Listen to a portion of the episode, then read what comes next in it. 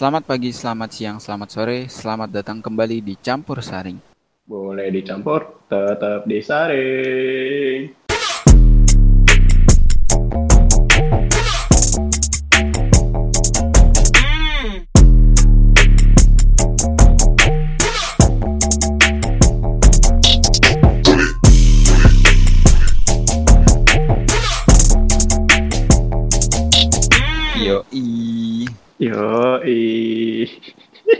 Oke, kembali lagi di podcast Campur Saring.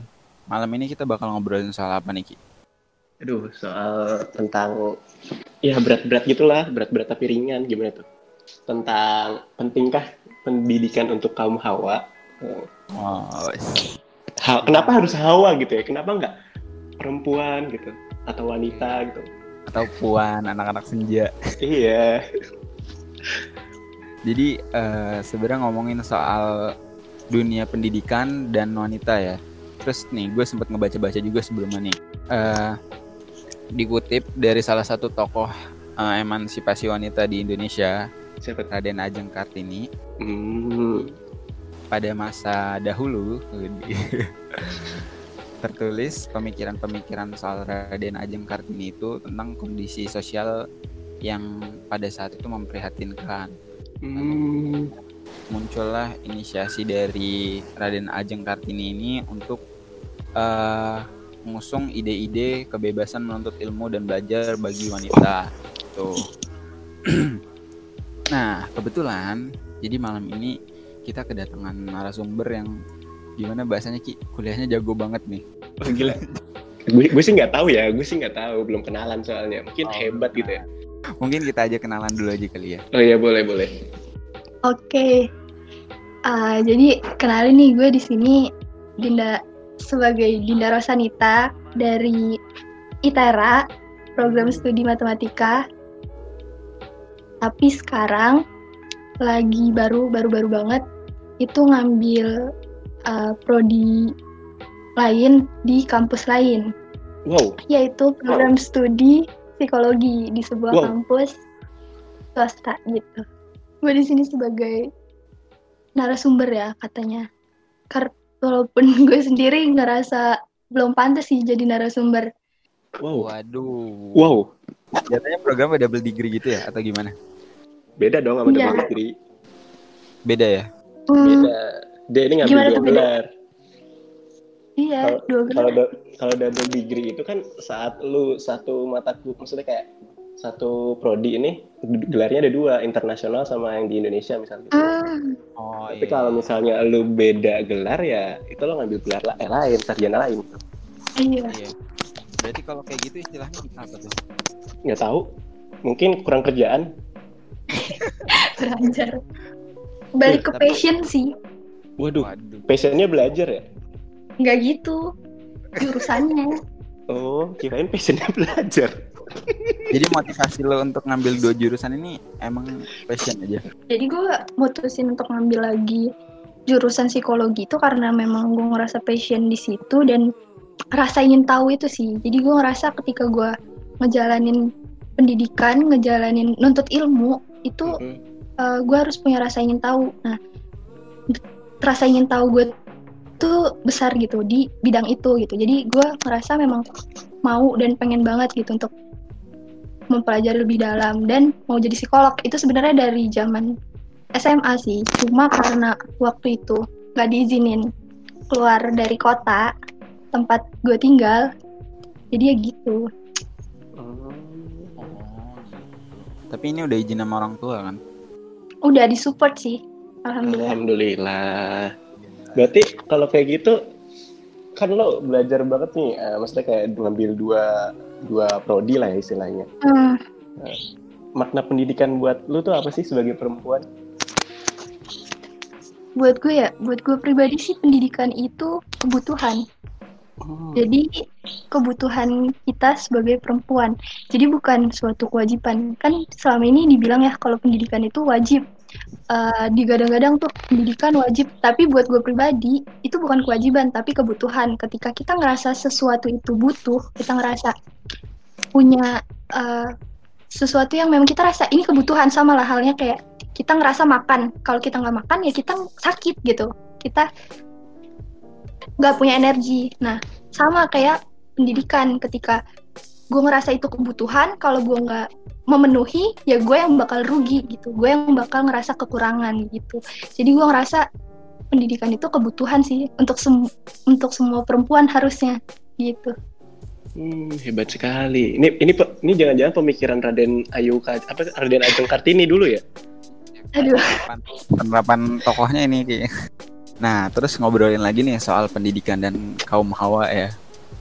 Kalau Hmm. menurut lo sendiri nih, kalau untuk kan nggak semua nih wanita itu punya orientasi yang pengen jadi wanita-wanita karir, ingin bantuin suaminya kerja di masa mendatang. Mungkin ada sebagian wanita yang kayak berpikir, oh kayaknya di beberapa waktu mendatang gue pengen jadi ibu rumah tangga aja kali. Nah, kalau menurut lo sendiri, perlu nggak sih pendidikan itu, pendidikan yang dalam jenjang tinggi ya, pendidikan jenjang tinggi perkuliahan gitu untuk eh, orang-orang yang orientasinya itu pengen jadi ibu rumah tangga aja gitu.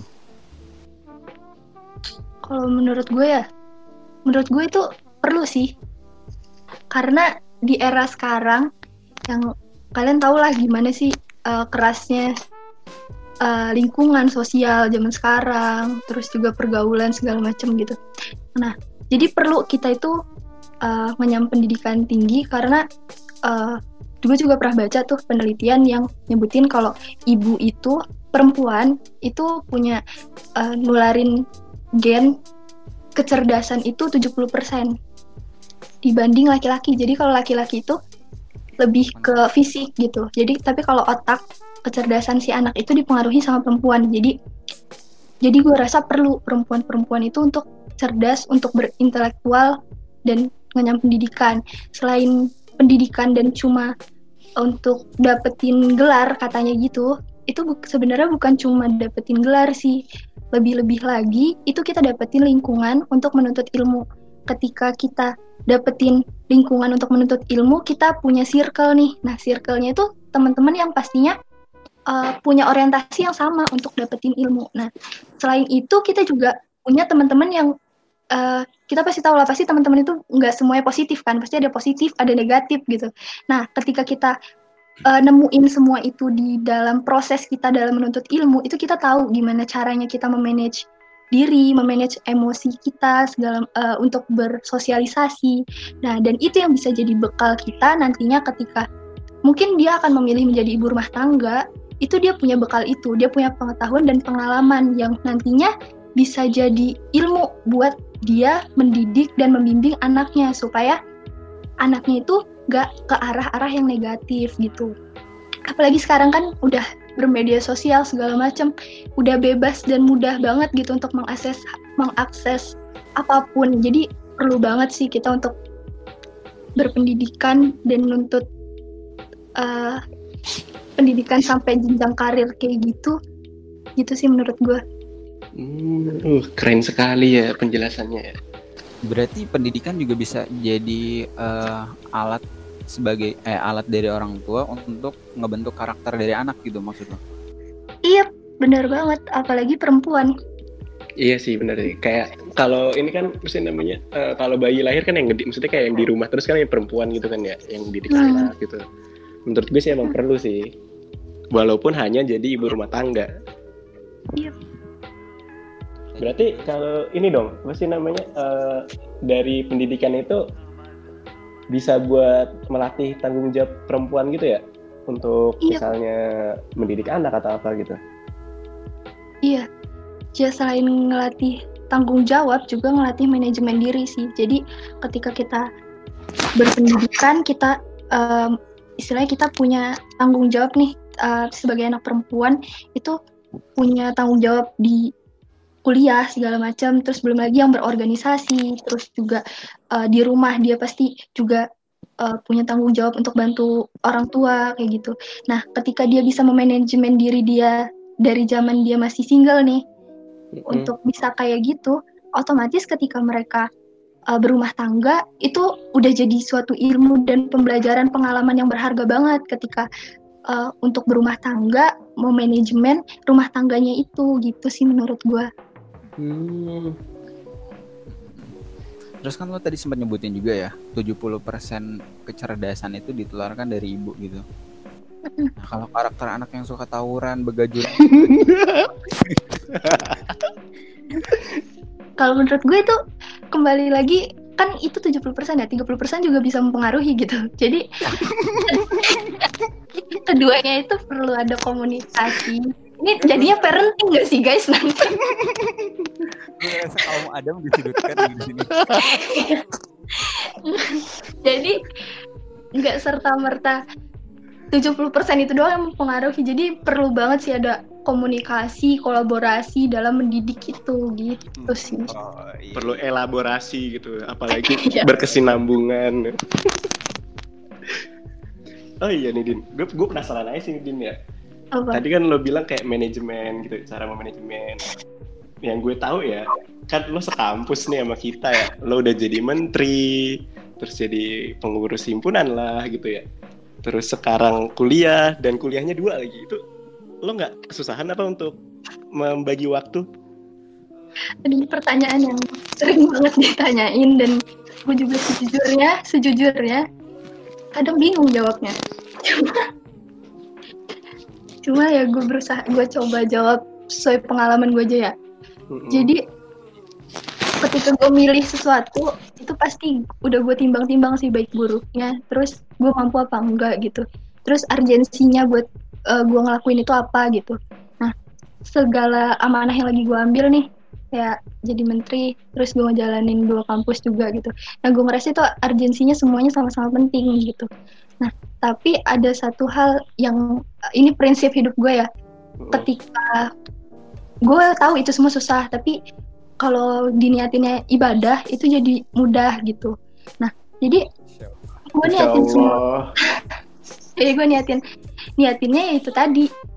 Eh niatnya ibadah terus gue jalanin aja. Terus soal manajemen diri ya sama lah jawaban-jawaban klise anak-anak organisasi mana yang lebih Waduh. prioritas saat itu. Mana yang lebih prioritas saat itu ya itu yang gue lakuin. Walaupun nggak menutup nggak menutup eh, itu ya realitas sih. Kalau apa yang gue jalani juga pasti ada yang gue korbanin. Seperti nilai-nilai gue di prodi matematika makin tinggi semester makin turun. Nah kayak gitu. Oh, Hal-hal yang- mak- makin tinggi makin tinggi. aduh hal-hal kayak gitu sih Iya sih, kadang gue juga sering tanyain kayak gitu ya. Cuman kalau gue kan orangnya ya udah hiduplah mengalir seperti tokai. gitu. nah itu Lo kan Iya. nggak berpacu sama agama tapi Ki. Eh, jangan dibuka dong. jangan dibuka dong. Oh iya jangan Ya setidaknya saat lo mengikuti arus hidup pun ya enak aja sih nikmatin. Cuman kan kadang ada orang yang berprinsip gitu maksudnya kayak lo kalau ngalir doang terus nyangkut gimana? iya benar-benar benar kayak gitu jadi gue juga sering tuh ya dengar-dengar eh sering nanya juga tuh kayak mana sih cara manajemen diri gitu-gitu ya ke orang ya mereka tuh ngejelasin secara sistematis banget gitu bisa uh, nyusun dari bangun tidur gitu skema kehidupan mau kayak gini kayak gini gue udah coba gitu beberapa kali tapi ya tetap aja gitu kayak kayak gitulah tapi jangan Iya. dibagi lah nanti teman-teman yang lain jadi tertular gitu kan nggak baik Iya iya iya. Gue juga kayaknya kalau kayak gitu mah hancur hancur kayaknya hari gue. Tidaknya eh, kalau menurut gue kalau soal eh, detailnya itu gue harus tahu sih misal hari ini apa yang harus gue selesain dan harus selesai gitu terus besok apalagi harus gue selesain terus harus selesai gitu tapi di satu sisi gue juga harus berdamai sama diri gue sendiri gitu jadi jangan sampai gue terlalu memaksakan diri untuk nyelesain ini gue terlalu forsir diri gue gitu jadi gue kayak nggak nikmatin hidup nantinya gitu jadi tetap enjoy lah Betul betul betul betul. Wis. Nah, gue juga pengen tahu nih, Din. Kan eh, lo ngambil dua prodi nih pada masa kuliah ini. Tentu lo bisa ngambil keputusan itu eh, pemikiran yang cukup panjang lah ya, yang lo lakuin selama ini. Nah, eh selama lo menimbang-nimbang hal ini nih, dan lo itu baru baru sekarang ya, baru di tahun ini, Din, untuk daftar psikologi nih. iya baru semester 2 sih sekarang Wow. baru selesai uas eh kenapa baru kepikiran di semester ini gitu din? Setelah lu kuliah kan lu katanya tadi udah punya rencana dari zaman SMA tuh. Terus udah kita udah ngelaluin dua tahun masa perkuliahan. Dan kenapa baru di saat ini lu ngerasa oh gue udah matang nih rasanya kayaknya udah waktunya gue bakal join. Nah itu kenapa alasannya? Gue sebenarnya ada pengalaman yang rada sedihnya sih. Ya tapi bisa sih. Mungkin bisa jadi motivasi buat teman-teman juga nih. Mm-mm. jadi sebenarnya eh, dari zaman gue waktu itu tingkat 2 di Tera memang udah ada niat itu. Udah nyari lah brosur-brosur gitu kan. Tapi waktu itu gue belum begitu yakin. Kayak waktu itu gue masih staff di kementerian kan. Gue waktu itu gue masih staff di kementerian aja gue ngerasa eh nggak bisa deh kayaknya gitu. Banyak ini segala macam gitu. Dah terus gue udahlah nanti dulu gitu. Sampai gue sempet terbesit tuh yaudah deh gue selesaiin dulu kuliah di ITERA nanti gue kejar lagi apa yang gue mau gitu. Eh tiba-tiba di tahun berikutnya pas gue tingkat 3 eh, 2019 kemarin itu kayak orang tua gue yang malah dukung banget support. Terus kayak yaudah nggak apa-apa katanya tuh. Didukung kok gitu. Nah terus di satu sisi tuh gue ada masalah di finansial juga kan kayak ih gue nggak tega gitu sama orang tua gitu. Kalau harus bayar UKT lagi gitu. Terus eh, waktu itu di liburan liburan semester tahun lalu gue mutusin untuk eh, karantina diri lah di sebuah tempat nan jauh di sana. Terus gimana gimana? Sebulan gue karantina terus setelah itu pas gue pulang gue masih ngelanjutin ada itera ada acara itera mengajar waktu itu. Gue masih nyelesain itu terus gue cari tahu lagi ternyata tentang eh, kampus itu karena niat gue saat itu gue nggak mau ngambil apa-apa di kementerian lagi. Jadi niat gue depan gue benar-benar mau fokus ke akademik aja gitu. Niatnya waktu eh udah. Setelah gue cari tahu malah orang tua gue yang support banget. Udah ambil aja nggak apa-apa kayak gitu. Terus saat gue ngerasa bermasalah dengan finansial ditambah waktu itu juga kan eh, papa tuh waktu itu masih sakit gitu sakit dan ya lagi ya lagi banyak masalah lah. Terus gue beraniin diri tuh untuk ke kampus itu untuk cari tahu info lewat dosennya langsung. Pas gue udah cari tahu ada beberapa program beasiswa di situ. Nah hasil dari apa yang gue dapat saat gue karantina itu adalah sebuah hasil yang gue dapat dan di situ ada satu beasiswa yang bisa ngegunain apa yang gue dapat waktu karantina. Terus gue coba tanya sama dosennya. Kayaknya hafalan Quran ini. Aduh kok semuanya sih gak? Aduh, masya Allah. terus? Iya, terus lanjut. Terus gue tanya abis gue tanya oh bisa kata dia gitu. Nah akhirnya alhamdulillahnya gue dapet free sampai tiga semester awal kayak gitu. Nah dari situ baru kayak oh gue nggak bisa nih sia-siain kesempatan ini baru gue memberanikan diri. Udahlah insya Allah lah bisa jalanin. Nah setelah itu gue jalanin aja eh bener aja pas di pas di tahun gue baru ngambil itu terus meninggal gitu ceritanya. Jadi gue terus berjuang nyelesain semuanya gitu.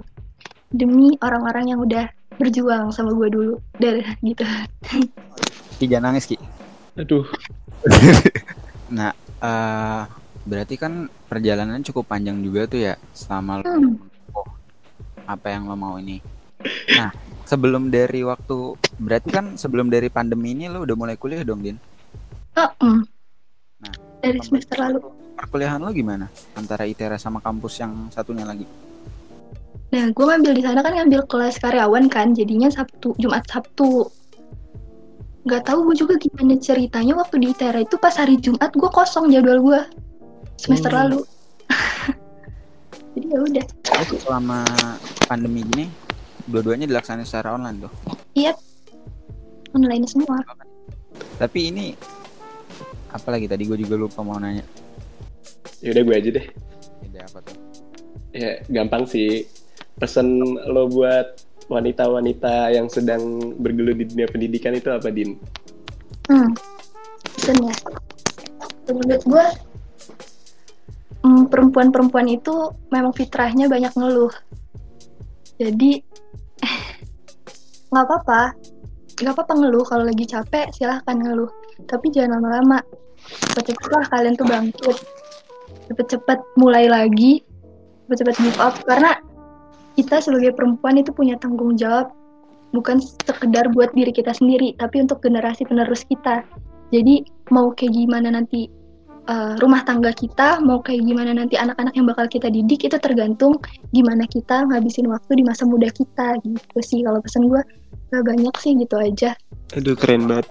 Kalau ada mahasiswi yang curhat-curhat, aduh capek kuliah pengen nikah aja. Normal. Aduh. Ini tuh ini tuh udah curhatan juta mahasiswi di kampus kita. Eh, gue mau kawin sama Raja Minyak katanya gitu kan. Raja Minyaknya belum tentu mau sama dia. iya, iya tuh.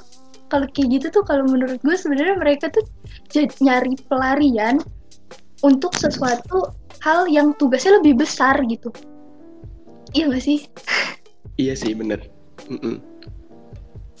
Gila ya? Berarti kalaupun ngurusin urusan kuliah aja belum sepenuhnya ngerasa punya tanggung jawab yang besar apalagi ngurusin rumah tangga gitu iya bener banget kayak gitu apalagi rumah tangga itu kan dibangun sama dua orang ya. Tuh kan itu jadi bahas parenting nanti guys. Jauh banget. Dibangun sama dibangun sama dua orang tuh. Terus kita yang adik kakak aja kadang suka beda tuh. Beda beda pemikiran beda sifat. Apalagi dua orang yang ketemu entah dari bahan entah dari mana entah dari mana gitu. Untuk nyatuin gitu.